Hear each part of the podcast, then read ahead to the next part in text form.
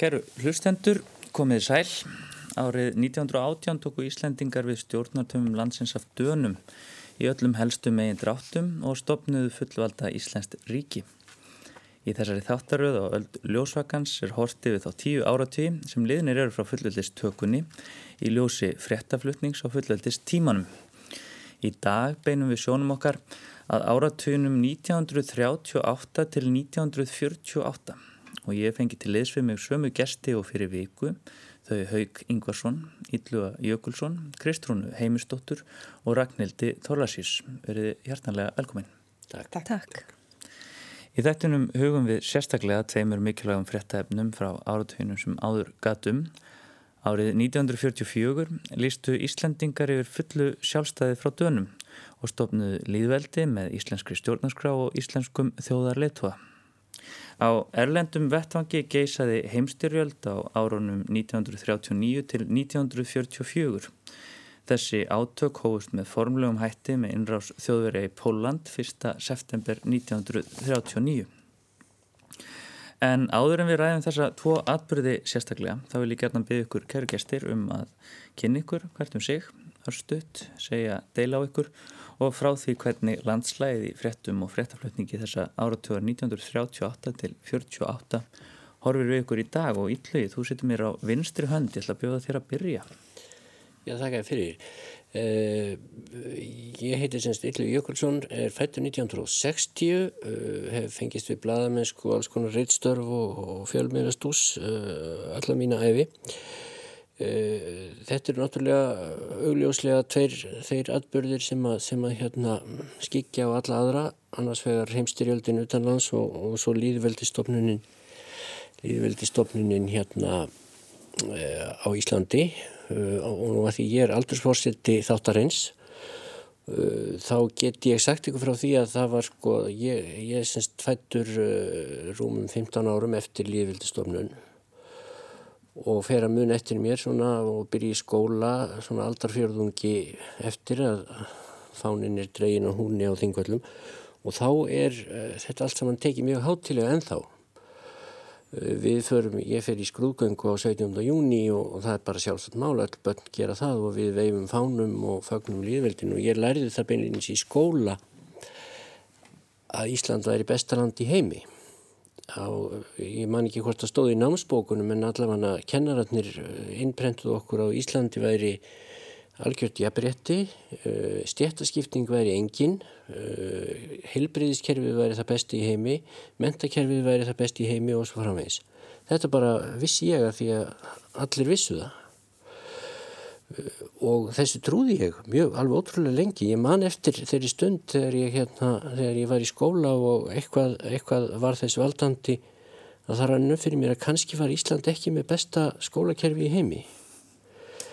Þannig að við af minni kynslu allavega við tókum, við tókum líðveldi mjög hátilega verulega hátilega en, en svo eh, við vissum samt aldrei alveg hvaða var sem að, sem að hérna sem við vorum að fagna. Við, jú, við vorum búin að læra þetta, þetta við vorum best í heimi en, en, en svona fórum ekkert mikið dýbra en það.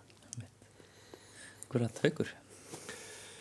Já, uh, ég er nú búin að vera að hugsa bara að tala svolítið mikið um heimstyrjaldarnar báðar upp á síðkastið. Bara þess að brjálaðislega miklu eðileggingu.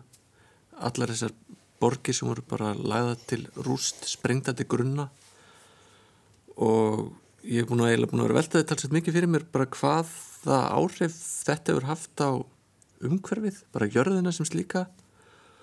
Og svo í rauninni hvernig eftir heimstyrjöldina síðari hvernig þarf að fara að byggja þetta allt saman upp?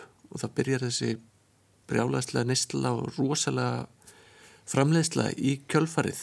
Eh, þetta er náttúrulega engir smá fjármönu sem að þurfti til að endurbyggja og endurreysa Evrópu og, og, og náttúrulega heimsbyðan allar en, en bara hvað þetta, bara hvað þetta hefur gengið á öðlindir heimsins og hvað, hvernig þetta hefur breytt bara heiminum og, og, og öllu sem að, sem að gerðist á, á eftir mm -hmm. Um þetta ánið sleppið er þá máttu gerna rífið fyrir gæstum sem heyrði í okkur í síðustu viku hver, hver þú ert Ég heiti Haugur Ingvarsson ég er einhverslasri töndur allavega í einhuga og dóttursnefn í íslenskum bókmyndum. Nákvæmlega. Ragnhildur? Já, ég heiti Ragnhildur Törlasís og ég er fréttamaður hérna á Ríkisúttarpinu og ég er fætt talsvört lungu eftir að uh, þessir atbyrðir eiga sér staði fætt 1978 þannig ég manu ekki mikið eftir henn sjálf. En, en hérna þetta er náttúrulega svona kannski ég veit ekki hvort að maður getur sagt einhver merkasti áratugur síðustu aldar en allavega afdrifa ríkasti sennilega. Þetta tímabil er fyrir manni þetta er, þetta er náttúrulega þetta er mikil hryllingur en það er líka einhvers konar ljómi yfir þessu. Að sjálfsögðu ekki náttúrulega stríðs átökunum en, en hérna þetta er liðveldistofninni og svo svona verður sagan á einhvern hátt svona alltaf svolítið romantísk líka einhvern veginn. Um, þetta tímið mikilvæg breytinga og, og óvissan sem að maður kannski oft velti fyrir sér sko tímabilinu þar sem að upptakturinn að stríðinu um, aðdragandin óttinn og útlendingahatrið og, og hérna svona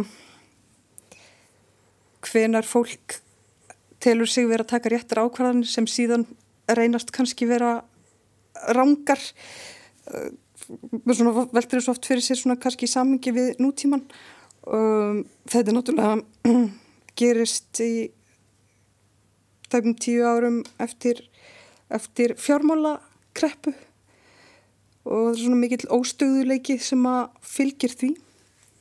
Og geðfældir leiðtóðar en svo er náttúrulega lífveldistofnun sem að hérna ég segi nú kannski svona svolítið eins og yllið ég var að koma inn á maður lærði það svo sem þegar maður krakkja jú, maður einhvern veginn svona þá var svona imprentaði í mann einhvern veginn að hér væri og, þetta væri í raun og veru mikið fyrirmyndaríki en maður vissi samt ekki alveg hverjum maður var að fagna. En nú eru allir með kandifloss Já, það var svona allir, það, það var ekki verið að byrja svona á, á minni tíð. Ég hef aldrei smakka kandifloss allavega. Þú þarft ekki að gera það, það Nei, allt í lagi, það er gott að vita það. Þú tóðs nú hjá mig fyrir í sumarhaugur að ræða hvort að 17. júni skipt einhver máli Já, það var ekki minnst á kandiflós í þeim þetta en, en þetta var bara svolítið svona nýju ljósi á þetta alls saman. Akkurat, þakka þér Ragnhildur. Kristrún. Já, ég heiti Kristrún Heimistóttir og, og ég var alveg þannig upp að það er til ljósmynda mér á Östurvelli eða Lækjartorki eða miðbareikjaukur að modni hvers einasta 17. júni frá því að ég er einsás og, og bara lengi fram eftir æfi. Pappi minn fór alltaf með, með börnin sín og, og við hlustuðum á fjallkonuna og, og ræði fórsatsræðra og alla þessa aðtöp og ég held að þetta hafa nú sagt að segja að móta mig á þann hátt að, að ég feimnislaust gengst við því að finnast þetta Íslenska ríki gífurlega mikilvægt. Og af því að ég hef líka upplifað það að vera inn í, inn í hérna kannski kjarna íslenska stjórnkerfisins þegar hrunið hérna brest á og, og vera þá í auðaríkisræðundinu og fórsættisræðundinu líka talsvert og, og eiginlega hafa þá upplöfun og þá sterku tilfinningu að Íslenska ríki gætir hennilega brotnaði þúsund móla. Mm. því það munaði raun og veru mjög litlu og hefði ekki vel gett að gæsta mínumati auðvitað er þetta mín skoðun og hún er, hún er persónlega en, en ég get fært rauk fyrir henni en vilja þau heyra að þá, þá fannst mér það mm -hmm. alveg sko hryllileg tilhugsun mm -hmm. skelvileg tilhugsun mm -hmm. og í mínum huga voru fyrst og fremst svona kynsla af, af að mín svo ömmu sem, sem svona voru einhvern veginn þarna að horfa á mig þar sem ég var þarna stödd inn í þessu alls saman þó ég væri auðvitað ekki svo sem tekja ákværinar þá, þá fylgist ég með fólkinu sem var að taka þær og uh, þannig að, að, að sagt, mér finnst að sumuleiti að við Íslandingar höfum gengið á langt í afbyggingunni á, á því að skilja að það sé einhver kjarni fólkin í því að, að eiga þetta nútíma ríki okay. og ég augra fólki kannski bara til að hugsa um þetta með spurningunni hvað ef Ísland hefði ekki árið fullvalda 1918, mm -hmm. hvað væri við þá? Akkurat. Við eigum kannski þessa umræði líka svolítið inni þegar við ræðum líðveldi stofnuna sérstaklega en, en áðurna, hérna, ég tekkaði orðið alveg hérna Ég veit að þú hefur líka einhverjum svona frettir og svona fleiri mál frá þessum áratug 1938-48 að segja að þú myndist nú sérstaklega eitt mál við mig uh, sem að var það þegar að uh, Íslenska ríkið eða, eða sérstaklega uh, gýðingum, landflóta gýðingum að neyta um ríkis Já, ég, ég nefndi það nú, það, það kannski tengist þessu með Ísland bestaland í heimi að, mm. að hérna, sem Ylliði nefndi ég bara bæti við einu besta ég viðbóti í heimi, það var íslenska vatnið ég, ég ólst upp með það lengi vel að tróða því og ég alla útlendingar sem kom í einhverjum þeim fyrirmælum að þetta var í besta vatni heimi og, og mjög móðgu þegar fólk fjárst ekki á það.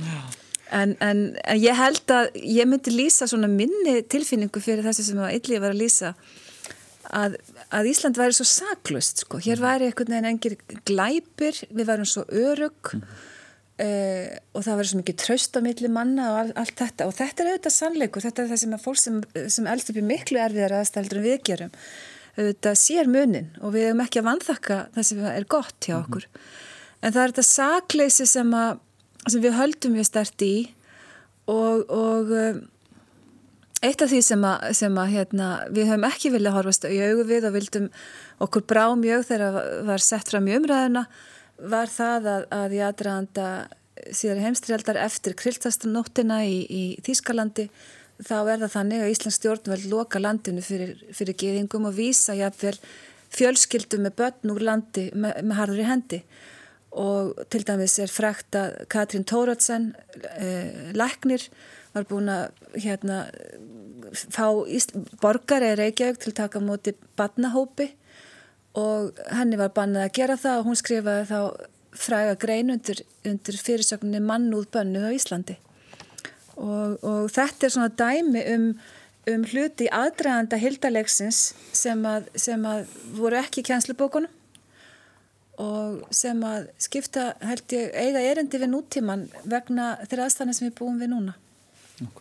Já það var, þetta er alveg rétt hjá Kristrúnu að, að þegar sko þetta þessi viðhorf okkar til gýðinga og annar útlendinga á þessum tíma þau lágu bara í þagnarkildu og ég segi það fyrir mig eh, þó ég hefði alltaf gaman að lesa sögu í skóla þá eh, nýtti mann ítla við þegar var loksins farið að, að revja þetta upp meðal annars af, af hérna, einari bróðurinnar Kristrúnar sem gerði það dróð fram partar þeirri sögu allri. Manni varði mjög illa við og, og, og, og maður ætlaði vel að trúa þessu sko, og þá var ég komin um þrítökt um þetta leiti og ég þóttist eins og ég segi, ég veit að ímislegt en þetta kom manni verulega illa og óvart. Ég veit ekki hvað, hvað íslenski ráðamenn höfðu staðið ómannúðlega og bara grimdarlega að -hmm. Og kannski líka, sko, maður átt að segja ekki alveg á því að því að það er ekki eins og reynsla Íslandinga af sambúði gýðinga hafi verið mikilega slæm sko. Mm -hmm. Ég meina örfáur gýðingar sem að byggja þeirna var það ekki. Var það, voru, það eru til umræður á, á altingi Íslandinga frá, ég minni mig 1870 frekar en 80 sem ég las einu sinn upp úr í útarpinu. Þar er verið að ræðum það hvort leifa í gýðingum að búa á Íslandi og þar tala, sko, þá hafði engir gýðingar verið hér en samt tala ymsir þingmenn þar eins og sko, stækir gýðingahattarar. Já. Ykkur. Ég hef verið að lesa uh, ferðabók Guðmunda Danielssonar um bandaríkinn. Hann ferði ánga 1945 og er meðal annars stættur í New York þegar, þegar stríðinu líkur og það er hérna mjög svona líflega myndir sem hann drefur upp því þegar uh, sjóliðarnir eru eldast við stúlkurnar og það verist nú ekki alltaf að farið vel þar fram en maður þekkir þessar myndir, það eru frægarmarka hverjar en þegar hann, hann fer síðan til Suðuríkjana og ferðast þar með svona Greyhound bus og þegar það er kert yfir þegar, menn, þegar bílinn er formulega komin í Suðuríkinn þá, þá er, er stoppar bílstjórum bílinn og, og rekur alla blökkumennuna aftast í vagnin. Og þetta hefur greinlega mikil áhrif á, á hérna Guðmund. En síðan setna á ferðalæðinu þegar hann er komin til New Orleans þá gistir hann á okkur svona hóteli þar sem hann hitti fyrir tvær gamlar bandarískar heðakonur og það er það farið á að spurja hann um Ísland og og þær spurja sko eru nokkrir svertingjar þar? Og hann svar því neytandi og svo segja, segja þær eru nokkrir ítalir þar eða, eða giðingar og hann svar því líka neytandi og svo segir eitthvað sem slíkt sko við hvert svar miklaði stegi þeirra augum. Og það sem maður þegar ógeðfelda undir þessu öllu saman er það að hann getur náttúrulega sagt þetta vegna þess að Íslands stjórnvöld höfðu bannað blokkumannum að koma hérna með, með herliðinu og Íslandingar eru sömulegis meinað giðingum að koma yngað á strístímanum mm. þannig að á nákvæmlega sama hann, sama tím og hann verður fyrir miklum áhrifum og það er djúbsta áhrifaðan þegar blökkumrættin reknar aftast í, í vagnin þá voru hérna Íslandingar að stunda nákvæmlega samskonar aðskilnaðstefnu mm. og þessi einsleitn okkar sem við höfum alltaf um lítið á sem einhvert saklisismerki og, og þetta sé nú bara svona af náttúrulegum ástæðum þetta er náttúrulega eitthvað sem við höfum með lögjöf og, og, og ákverðunum stjórnvalda. Þessi, þetta, þetta, er þetta er náttúrulega val líka einhverju, einhverju leiti þó við sem einstaklingar höfum kannski aldrei rekinit á landi þá er þetta samt ákvarðinu sem er verið að taka í okkar nafni. Mm -hmm. Akkurat. Við skulum kannski snú okkur að, að hérna, um, líðveldistofnunni sjálfur 1944 Líðveldi Íslandinga var stopnað á fæðingadegi Jón Sigurssonar 17. júni það ár. Þennan dag Helli ringdi á Þingvöllum og þennan dag var Sveit Björnsson, kosin fyrsti fórsti Íslands og þann dag tók Íslensk stjórnarskrá gildi, ekki satt, Kristúrun? Já sko, hún hafði rauninni, ég myndi nú segja að Íslensk stjórnarskrá hafi komið til fyrr. Fyrsta lagi fyrst mér í raun og veru að líta á stjórnarskrá sem íslenska þegar hún er komin á íslenska tungu og, og þar ekki var komin árið 1920 í framhald af fullveldinu eh, kemur stjórnarskrá konusríkisins Íslands. Þannig að eh, síðan í þriðalagi er stjórnarskránni breytt með því að, að líðveld er stopnað í mínum huga verður ríkið til með fullveldinu en, en sagt, það breytist í líðveldi með forsetta eh, 1944 Akkurat Við skulum drepa niður í frettaflutningi að, þessum merka viðbyrði en í stað þess að leggja leið okkur á þingvöll skulum við slást í för með Helga Hjörvari við Östurvöll snemma dags og heyra brotu ræðu Gísla Sveinssonar fórsetta saminas alþingis við stittu Jóns Sigurssonar.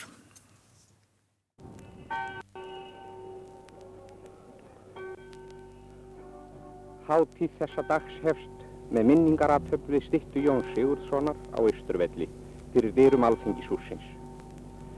Östurvöllur er fánum skreittur allt umhverfis en framhlið alþingishúsins umhverfis höfuðdir þess og svalirnar er skríti löffléttum úr grænu lingi en merki líðveldisháttíðarinnar skjöldur með íslenskum fána en yfir geyslakrans rísandi sólar er fest framann á svalir húsins.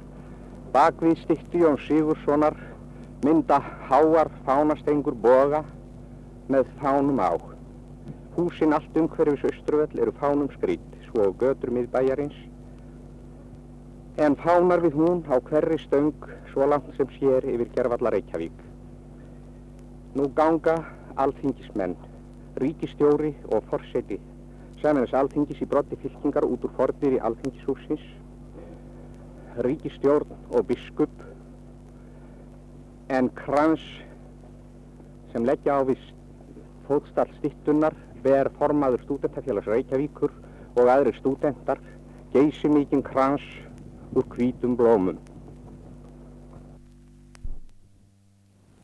Við myndastittu Jón Sigurssonar forseta nefnum við staðar á þessari stundu áður en við göngum til hinna mikilvægu aðtapna sem vor býða á þessum degi 17. júni 1944.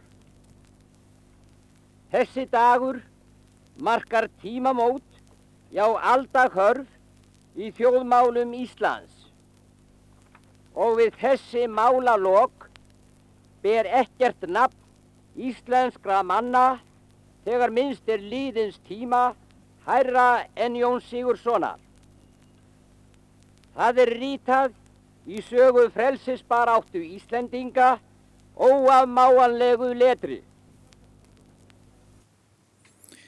Hér heyrðum við Gísla Sveinsinni, hún var greinlega mikið niðri fyrir, þetta verið stór stund og, og svolítið skemmtilega lýsing af fánaborgunum um alla Reykjavík.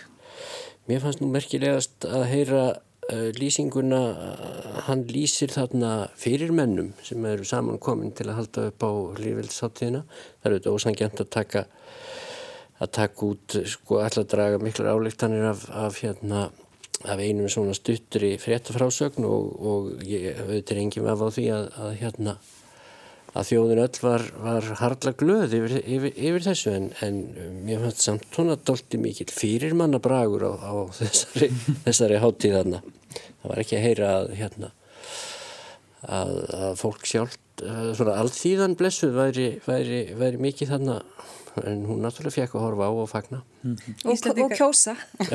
Íslandingar eru voðalega hreppnir af ráðurum og fyrirmennum maður hérna það er alltaf tekið sérstaklega fram þegar að búa til bladamannafundar hversu margi ráðferðar mæti á staði Já, hvað, kjörsóknin 98,6% Já, það, það lítur að vera næstu heimsmynd en, mm. en, en það er auðvitað stór merkilegt að hún var svona óskaplega mikil. Mm. og það var auðvitað greitt atkvæði bæði um sagt, rofið að rjúa hérna tengsli við Danakonung Já eða, konung Íslands mm -hmm. sem, sagt, sem ég haf brent á dana konungur og svo um, um stopnun lífveldis en auðvitað hefur svo sem líka verið sagt að það hefur beitt miklum þrýstingi að það fólk að kesta það var beitt rosalegum þrýstingi, alveg, alveg massífum þrýstingi, fólk Já. var bara beinleginni streygið á, á kesta til að og hérna því ég las nú uh, svona eftir að þetta dásamlega apparat tímaritt.is kom til sögunar þá er manni miklu auðveldar að lesa gömulblöð og ég er búin að lesa þetta alltaf mikið af gömlum blöðum um umræður fyrir líðvildstofnuna og, og það er sko í fyrsta lagi það er mjög ábyrgandi að hún snýst, svo umræða snýst nánast engöngum um formsatriði. Formsatriðin í sambandi við það hvernig er hægt að slíta sambandinu við Dani, eigum við að gera það núna eða setna, eigum við að býða eftir að þeir losnundan þjóðurum og svo framvegs og, og það er þannig síð eftir síð eftir síð eftir síð um formsatriði og eitthvað svona laga tæknilega atriði sem er nú verið kvölluð Og, og þetta uh, kemur líka fram í umræðum um stjórnaskrána. Það er, ald, það er nánast aldrei fjallað um það hvað stendur í þessari stjórnaskrá. Það er bara eigum við að samtíkja þessa stjórnaskrá eða hve, hve, hve, eigum við að skrifa aðra setna eða eitthvað. En það er voðalega, það er eiginlega förðulega og allt í sorglega lítið fjallað um það af hverju er verið að stopna þetta líðveldi. Mm. Það er að í, í stað þess að fjalla um stórumyndina, hugmyndafræði, hvað erum við og hvert ætlum við að fara að það var hangið í smáadriðunum sem er það sem að í raun og veru er stundum auðvöldar að fjalla Já, já, um, þetta var það að gera það, þetta var náttúrulega að fara formlega rétt fram og það allt saman en það er ekkert annað en formsatriði sem eru rétt. Það er náttúrulega átök mikil í raun og veru um þetta, sem sagt hvort eigi að gera þetta eða ekki og, og en það múi segja eins og verið þessi að vissanátt svona ákveðin ljóður á okkar laga hefð, það er þessi svona oft ofmikil seg, ég segi nánast dyrkun á forminu mm -hmm. það er mjög svona hefur, fyrir því að ymsar ástæður held ég sem er nú kannski oflant mála að vera að ræða hér núna en, en, eh, en auðvitað voru mikla tilfinningar hérna undir og það, við vorum að tala um, til, þú nefndir að Gísli Svens og hann var tilfinningaríkur mm -hmm. þessari, þannig að talir hérna á austurvelli morgunin, mm -hmm. en það er samt ekki nefn að brota brota þeim tilfinningum sem hann lætur í, í ljós þegar, hann les upp skeiti frá konungi á þingvöllum mm -hmm. ef þau myndur hlusta þá upptöku þá heyriði bara hann nánast hann nánast grætur og það er vegna þess að þetta að menn voru menn vissu það að kongurinn var reynd ekki gladur og ánaður og, og da, danska almenningur í Danmörku hefur líka ég, það er bara síðustu árum sem að ég hef upplifað það að eiga samtöl við Dani sem að rifja það upp að þetta hefur verið ódrengilegt af Íslandingum að að rjúfa hérna, tengslinn þegar Danir voru í, í, svo, svo, svo hræðilegum aðstæðum en sem sagt Já, mér finnst reyndar eftir áhyggja að það hafi, það hafi verið mjög ódrengilegt. Já, var, var ekki konungur líka bara hálf svona, kannski ekki píndur til þess að senda hverju en svona hann, jú, hann var mjög sár. Hann, Jú, það tímarlaust það voru mikil sárundi í Danmörk út af þessu og þess vegna þetta voru þessi lagskilnaðar menn voru menn eins og Sigurður Nordal og og, og hérna og reyndar allþýði flokkurinn eiginlega allur aðhildist lagskilnaðin og, og þá hann verið að tala um það að stáning leittói danskra jafnaðamann og fórsettisafræður Danmörkur hefði verið nú að reyna að hafa áhrif á þetta allt saman og svona og ímislegt svona var þarna bakvið en, en hérna en þetta átökin voru þetta eh, veruleg um, um þessa leið. En, en, en er ekki svona höfundur þessara leiðar sem farin var Bjarni Benditsson og, og í stjórnmálaskóla sjálfstæðarflokksins var held ég kent, miskusti þegar ég var svona á yngri árum að, sjálfstæðisflokkurinn hefði stopnað lífildið. Já, auðvitað.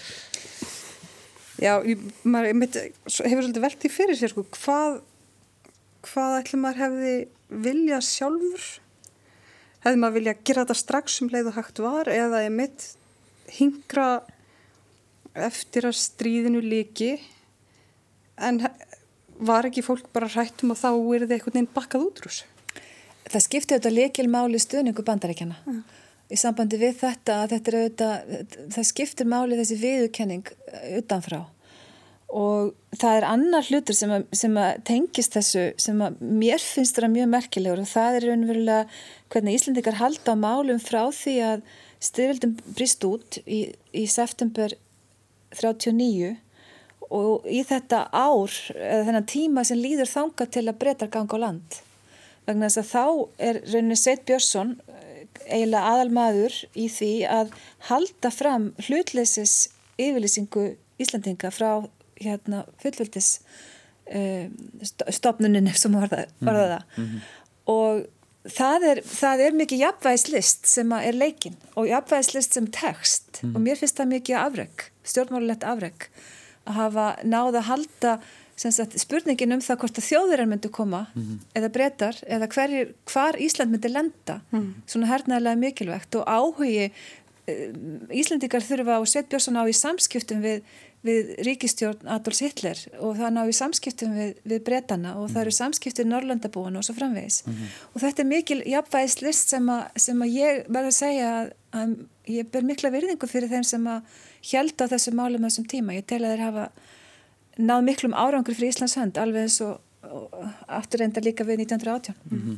Ég var hérna um þetta veltaði fyrir mér sko hvernig af því að þú nefnir nú hrunið á þann Kristrún hvernig uh, fólki hafi liðið þegar að þjóðverjar hernum á Danmörku hvernig fólki hafi liðið hér heima mm -hmm.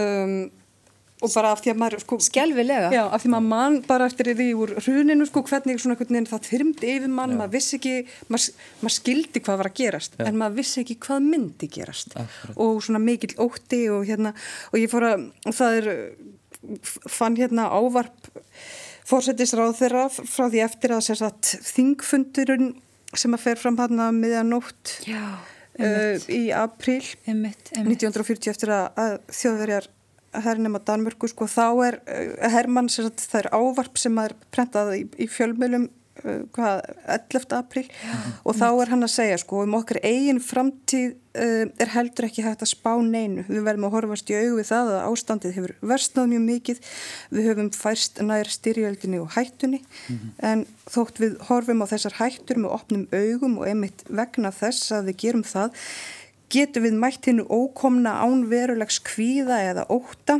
því ef ástandið er skoðaður rétt höfum við Íslandingar enn ímsar ástöður til að líta á aðstuðu okkar í þessu stríði sæmilegri en flestra annara þjóða og við getum þó einnig mynd sjálfa okkur á það sem oftast að aðalatrið eru ekki erfileikarnir sjálfur heldur hvernig þeim er mætt. Akkurat. og svo vantar þarna bara Guðblessi Ísland. Aftan verð Ég man með þess eftir því að Geir Horti hefur líkt þessu saman. Já. Já, Haugur Meðan að því að Kristrún var að tala um í síðasta þetti uh, verðingu Íslandinga og, og sjálfsverðingu að þá er líka mjög áhugavert að hugsa til þess í rauninni hvað Íslandingar og íslenska fórtbókmyndir og íslensk tunga nutu mikillar virðingar á Norðurlöndum og í Danmarku kannski sérstaklega og í raunin hvað sérstaða Íslandinga uh, er mikil meðal þjóðana sem er undir dansku krúnunni menn þess að Dani lögð á þau mjög miklu áherslu að vitum við fengjum að halda okkar tungu og þegar það er talað um til og með síðan námskaram sem Dani er að gefa út og þeir eru að tala um tungu sko móðumál mm -hmm. þá er það bara heimfært hérna upp á íslenskuna mm -hmm. þannig að Dani er raunni uh, þó að þeir hafi selgt okkur maðkað mjöl á einhverjum tímumbölum og annað, annað slíkt það voru þeirra mörguleiti sko mjög mildir herrar við Íslandinga mm -hmm. og, og, og náttúrulega hafðu mjög litla til mis hernar nærveru hér mm -hmm. þess vegna finnst mér kannski mjög sérstækt að við skulum vera fagna uh, lífildistofnun 1944 menn að hérna er erlendur hér og enginn smá fjöldi hermana mm -hmm. og bandarisk áhrif til dæmis bara hérna á stríðstímanum voru mjög mikil uh, bandaríkjumenn voru til mis bara með útsendingatíma í ríkisútarpunum nánast daglega mm. uh, þeir voru gefið út blöð og tímaritt og, og annað sem þeir enda gerði líka var það að þeir þeir nýttu sér að einhver leiti hegumleika Íslandinga þeir kölluð til dæmis til mennins og Bjarnar Benediktsson, Sigur Nordal og fleiri og tóku þá í viðtöl mm. undir því yfirvarpi að þeir væri að kynna íslenska menningu fyrir bandariskum uh, hermönum, íslenska menningu fyrir bandariskum hermönum en þetta hafði mjög mikil áhrif á Íslandinga vegna að þeir mikluðst af þessu og það var ekki mikil hefð fyrir viðtölum að þessu tægi í íslenska útvarpunni á þessum tíma mm -hmm. og uh, það hann hétt Makíver sem var hérna yfirmaður uh, Office of War Information á þessum tíma og það var viðtal við hann uh, áður en að hann fer aftur til bandaríkjana og það var mjög merkilegt að hann í rauninni uh, leggur áherslu á annars vegar frelsi sem bandaríkjumenn bóði og frelsi sem að Íslandinga muni bráðum fagna. Veist, þannig að það er einhver leiti ég hef náttúrulega séð þetta á fleiri stöðum en það er, það er greinlegt að, að bandaríkjumenn er einhver leiti að reyna að, að tengja þetta frelsi sem þeir eru að bóða og svo frelsi sem að Íslandingar muni vantanlega fagna. Akkurat Þannig að þetta eru sérstakar aðstæður. Þegar við, þegar við fagnum líðveldistofnin 1944 Já. þá er þetta náttúrulega bara í heiminum en líka hér heima fyrir mjög sérstakar aðstæður. Já. Það er kannski rétt að svona fyrir þá sem ekki tekja söguna uh, þá kannski rétt að taka það fram að þótt við hefðum ekki líst yfir uh, líðveldistofnin 1944 þá var það yfirvofandi sko, það hefði gerst. Já, þó svo, þó svo við hefðum beðið. Þannig að það kemur ekki til það það kemur ekki til mála að það hefði ekki orðið afneinu uh, formlega uh, þótt, þótt við hefðum ekki rókið til. Mm en kannski hefði orðið einhver lit floknara ef, ef að Danir hefðu fengið að koma eitthvað við sögu. Mm. Það er endar bara, bara ég vil bara taka undir með Kristrúna þetta er þetta, þessi særindi Dana mm þau rista mjög djúft og þetta er eitthvað sem að ég, myndi, ég hef líka fundið fyrir þegar ég hef verið í Danmarku að að þetta, ég meina með okkar viðtímisurðum, ef við berum þetta saman við hrunið aftur, ef við með okkar viðurðum sártimis við Norðurlanda þjóðurnar mm -hmm. hvernig okkur fannst þau ekki það er ekki, ekki standa með okkur þá er þetta eitthvað sem að sem að, sem að, sem að setja bara djúft í danskri þjóðarsál sko. Akkurat. Við skulum kannski færa okkur yfir í þessa atbyrði heimstýraldarinnar síðari sem að hérna eru þetta baksvið uh, lífveldis stofnunarinnar uh, á erlendum vettvangi svona fjari, fjari Íslands ströndum uh, og samt ekki svo fjari geisaði heimstyrjöld á árunum 39-44 uh, þessi helgir átök hóst með forlögum hætti með einrás þjóðveri í Póland 1. september 1939 Ég ætla ekki að hafa um atbyrna frekari orð, heldur láta ykkur eftir að ræða viðburði heimstyrjaldarinnar síðari. Ríkisútvarpið saði fréttir af innrásin í Póland sem gerðan er talinmarka upp af heimstyrjaldarinnar. Við heyrum örstuðt í Þorsteini Ö. Stefensen í fréttum út af sinns 1. september 1939. 1. september 1939 Klukkan 5.40 í morgun byrti Þíska útvarpið ávarp sem Hitler ríkisleitói hefur sendt Þíska hernum. Í ávarpinu segir hann að pólverjar hefði neitað að leiða friðsamlega til lykta deilur Þískalands og Póllands og greipið til vopna. Þýskur herr veður nú inn í Póland á þess að styrjöld hafi verið yfirlýst. Allsherjar herrvæðing hefur verið fyrirskipuð í Breitlandi og Fraklandi. Hér líkur þessu stuttabróti. Hvað, hvað var að gerast? Íllu, ég ætla kannski að kasta bóltan því. Já, það er bara, uh, þarna var, var, var sem sagt að springa út útþæðinslu frá eh, Hitlers og þýskra nazista sem að, sem að ætluði sér að ná yfiráðum yfir mið-Európu og, og setna Austur-Európu og, og hérna og uh, í mörg ár eða nokkur ára undan hafði, hafði þessi útþæðinslu frá orðið æaugljósari uh, eh, það menn hafði látið undan Hitler fram að þessu en, en, en sem betur fer þá var það nú ekki gert lengur og, og hérna og þótt hann leiði undir sér Póland frekar auðveldlega þá, þá sagt, stóðu brettur og frakkar gegn honum og af því sprattu alltaf þessi heimstyrjöld sem, sem er náttúrulega þvílíkt uh, þvílíkt uh, þvílíkur örlaga atbyrður í, í sögu ekki bara 20. aldar heldur bara mannkynsins yfirleitt það er valla hægt að það var alltaf hægt að hugsa sér hvernig, hvernig heimurinn líti út ef einhvern veginn hefði tekist að koma í veg fyrir hana það er, það er mjög skrítin tilhugsun það er eina ímynd sér mannkynsöguna og, og það vantar setni hefstyrjöldina mm -hmm. það væri ansið margt öðru í sig held ég Eða þá ímynda sér söguna ef að Hitler hefði unnið. Já, það er, það er í raun og veru ennþá skrítnara því að hérna, það er svo skrítið að ímynda sér hvernig samfélags svo samfélagsmynd sem að hann var að reyna að koma á ef að hún hefði nú sko komist á í, í fríð og spekt uh, í nokkra áratugji í stórum hluta Európu það er bara hann svona hálf sundlar við þá tilhugsun. Við Ragnhildur vorum nú í mentaskóla á sama tíma og þegar við lásum um setna heimstyrjöldina þá vorum við kölluð upp á sal og fengum að horfa á upptökurnar sem eru til af því þegar að pólska her herliðið á hestum mætir mm. hérna nútíma her þjóðverja. Mætir skriðdregunum og og þetta eru myndir sem að trúla munu sitja í höðun og mér svo Já. lengi sem að ég man nokkur skapaðan hlut en þessi uh, þessar skugga hliðar nútímans þessar skugga hliðar á tæknivæðingunni, vísundunum sem að, sem að er rauninni koma fram í setni heimstyrjöldinni hvernig uh, þessir ræðilugu hérna, útrýmingabúðu nazista, hvernig það er yðinvættu hvernig það er endur speikla yðinvæðinguna og, og, og hérna, færibanda hugsununa er svo skelvileg og ég sýsti mér bjólengi í, í Japan og ég hérna fór í fór til Hiroshima og hún saði við með að henni fór hérna ég mæli ekki með því við neittnaðan fari en mér finnst að maður eigi að fara. Mm. Og ég fór þarna á svona sólríkum degi og það var óbúslega fallett og fór í svona gömnum sporvagn inn í, inn í borgina og það var svona klíður í vagninum og fólk bara glatt og ég hugsaði með mér já það var nú gaman að bara fá sér að borða þetta eftir því ég er búin að skoða, skoða með þessum og svona. Svo fer ég hérna inn á sapnið og skoða minnismerkin.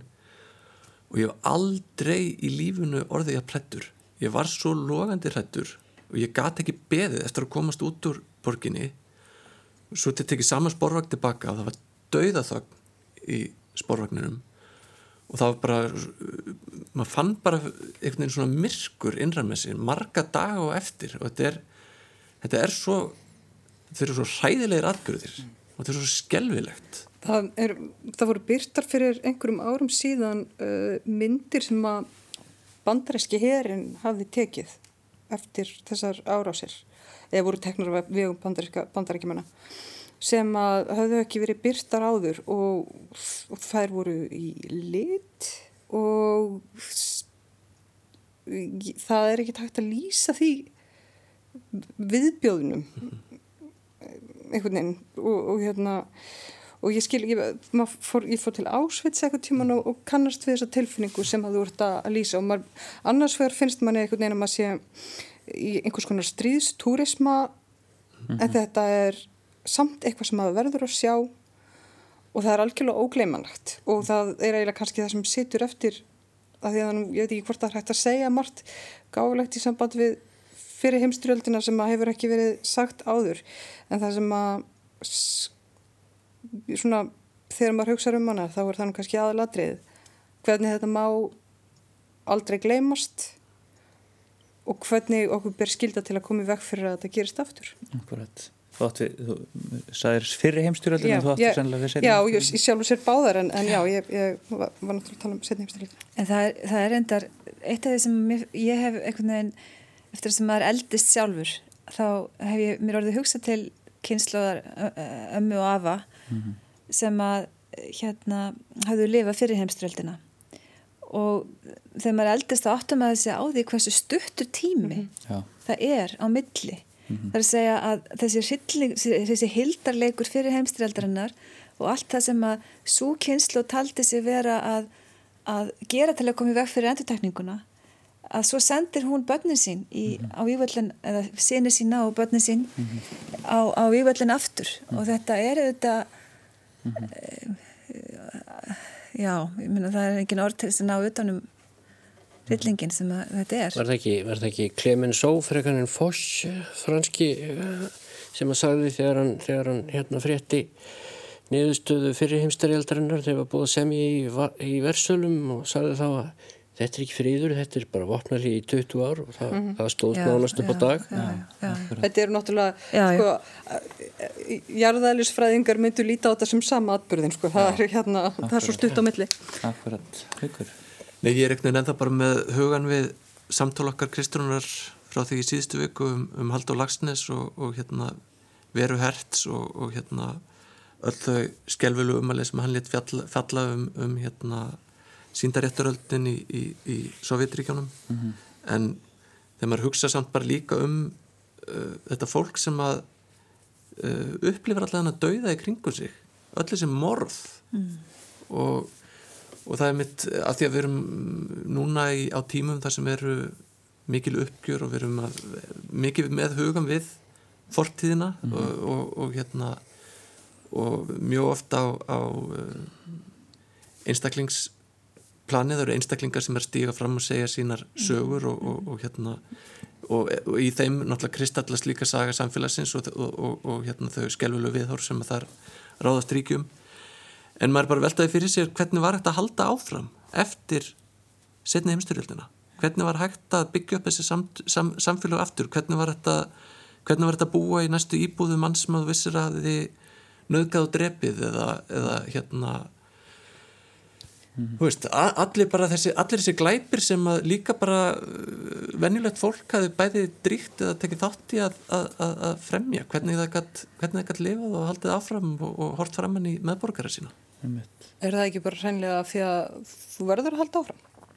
Jú, jú En, en svo, svo eru þetta gert að vera bent á að þú nefnir þetta þetta aldrei að gerast aftur ég meina þetta er eitthvað sem gerist stöðut Srebrenica eða það sem er að gerast í Sýrland í dag fólk er stöðugt var hérna, þáttur í síðustu viku verið að ílluðadóttur að fjallum þjóðamorða á, á róingjum veist, fólk er stöðugt neitt til þess að búa við liðin á ódæðis mönnum strísátaka einhvern veginn.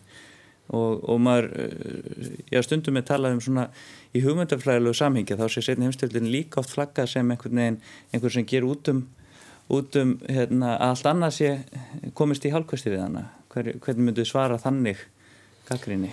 Já, maðurinn er, er skrítinskeppna og, hérna, og í honum býr alveg ofbóstleg grimt sem er alveg sorglega auðvelt að, að sleppa lausri en líka ofska, ofsaleg hérna, aðlögunarhæfni þannig að menn bara venjast því sem að ef þeir finna sig allt í einu statta á, á hérna, gráum vígvelli þar sem eru líka hrannir og, og brotin hús þá bara venjast til því og, og fara að finna, reyna að finna sér eitthvað í, í svangin mm. það er bara því miður líkum manni við að segja þegar maður, þegar maður hérna e, lesum svona hróðalega atbyrði þá finnst mann næstum því eins og fólk eigi valla skilið að, að fá að fá að hérna halda áfram en, en, en menn venjast þessu það er, það er, það er bara svo leiðis Það er, af því þú nefnir að það er uh, bók eftir uh, mann sem var í útrymmingabúðum, hann uh, er geðarleiknir, var geðarleiknir áður en hann fer inn í útrymmingabúðunar og hann lifir af. Uh, hann uh, hétt Viktor Frankl, minni mig, og bókin heitir mjög, mjög sjálfsjálfbarlegu nafni, uh, Leitin að hamingi lífsins. Tilgangi lífsins. Tilgangi lífsins. Og þetta er stórkosli bók og þar er hann einmitt að lýsa því hvernig þú venst uh, dauðanum allt í kringum þig og hvernig þú tekst á við hann og hvernig þú um, kemst í gegnum það að, að vera í útrýmingabúðum sérsagt andlega með því að ákveða hvað þú ætlar að gera það sem eftir lifir. Hvernig, já, hvað þú ætlar að gera við lífið þitt sko og um, það lítur að vera svolítið erfitt að ákveða það þú veist ekki eins og fyrir þá veist ekki hvort þú lifir af, lifir af.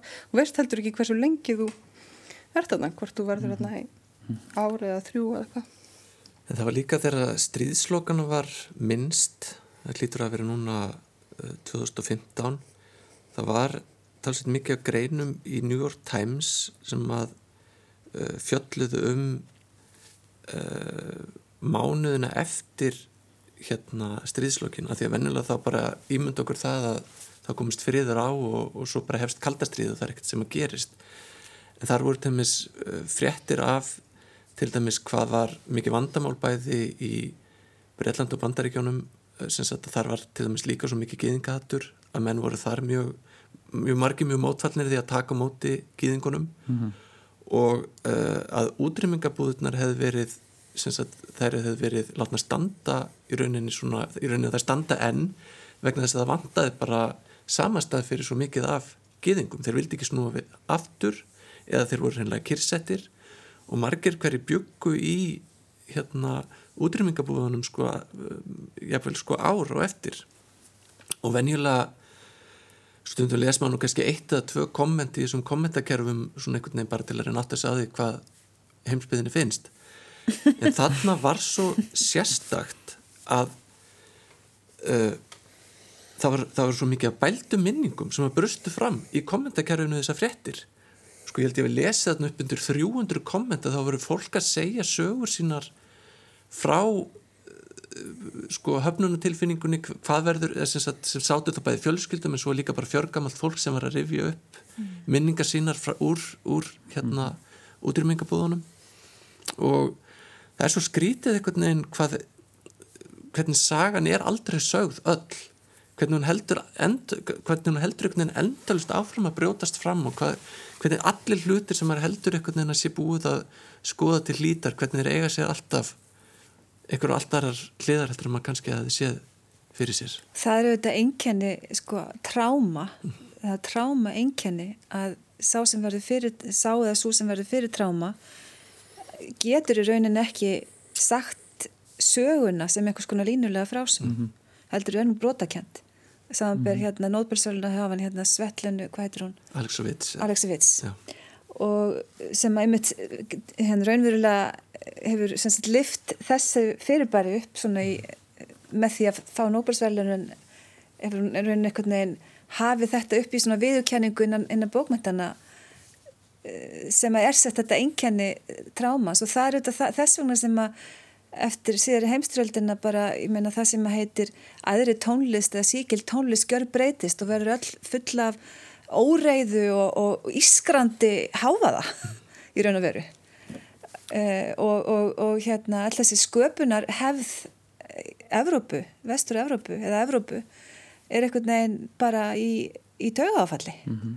En eins og Japan þar ríkir ennþá bara talsett mikil þögn um Já. sprengjurnar og þar tegðmis uh, ofinbæra fréttir af sprengingunum sko bárust mjög illa til Japan það er rauninni bárust fyrst til heimsbyðarnar og svo til Japan sko eftir nokkur ár eða ára tugi og það er ennþá þannig að, að ef að, ef að hérna að það er algengt að ef að kemur ljós að, að manneski er afkomandi einhver sem að lifði af sprenginguna í Hiroshima mm.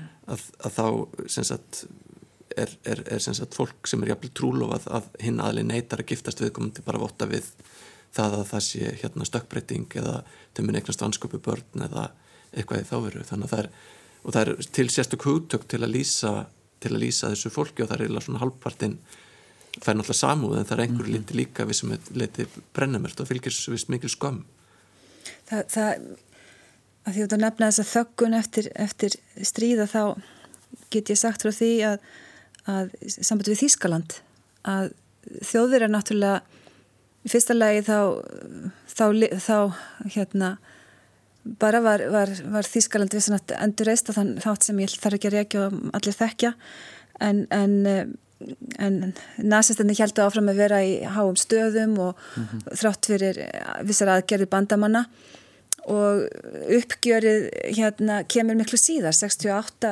uppröstinni í Þískalandi snýst mikið til um til dæmis það að nefnendur eru að segja að kennarinn mínir í háskólanum eru, eru hérna hluta þessum gaflan kerfi og við getum ekki búið við það og svo framvegis. Og ég get sagt pínliti hérna úr, úr svona því við höfum talað eins um sískin okkar bróðum minn Einar gerði bíómynd fyrir 20 árum um hérna um þískar konur sem komu til Íslands og hérna og í þeim mynd meðal annars var líst því að aðalpersonan sem kom til Íslands hún hafði orðið fyrir nöðgun í hérna í austrinu og, og var semst flottamæður í raun að veru innan Þískalands mm þessi mynd var sko hérna, hann gerði þetta við kvikmyndaháskólinni í München og hún fekk geysilega mikinn áhuga sagt, hérna, þarna úti vegna þess að hann var að snerta algjör tabu þetta var sem sagt, þetta er aðal kvikmyndaskóli Þískarlands og þetta var eitthvað sem enginn hafi fjallað um mm -hmm. ef þið síðan farið að skoða Þíska kvikmyndakja síðslega 20 ár, þá, ég er ekki að segja að þetta hafi neitt, þetta bara sýnir að, að þetta er svo stuttu tími mm -hmm. og, og, og það var við samt þæltri þjóðveri að láta þetta gerast á Íslandi sjáðu til og, og hérna sjá þetta í því samhengi en, en myndir sem hafa verið síðan til dæmis eh, frægar myndir um, um örlög hvenna í Berlín eftir lók heimstyrjaldar og flera slikt eru, eru hluti sem hafa verið að koma allar síðustu árum. Þjóðirar eru nýbyrjaðar að horfast í auðu við þetta og hvað gerst þá? Hugsið ykkur að við skulum núna búa við það að, að, að tilvísanir í fasisma og, og nazisma séu orðnar hluti af stjórnmála umræðu, daglegri stjórnmála umræðu. Hver hefur trúað því fyrir tíu árum? Ég held að við þurfum að hafa þetta síðustu spurningu þáttarins. Ég þakkur alveg kærlega fyrir komuna og, umræðina Íllu, Haugur, Ragnhildur og Kristrún. Eh, ég þakka hlustendum kærlega fyrir hlustununa. Verið sæl.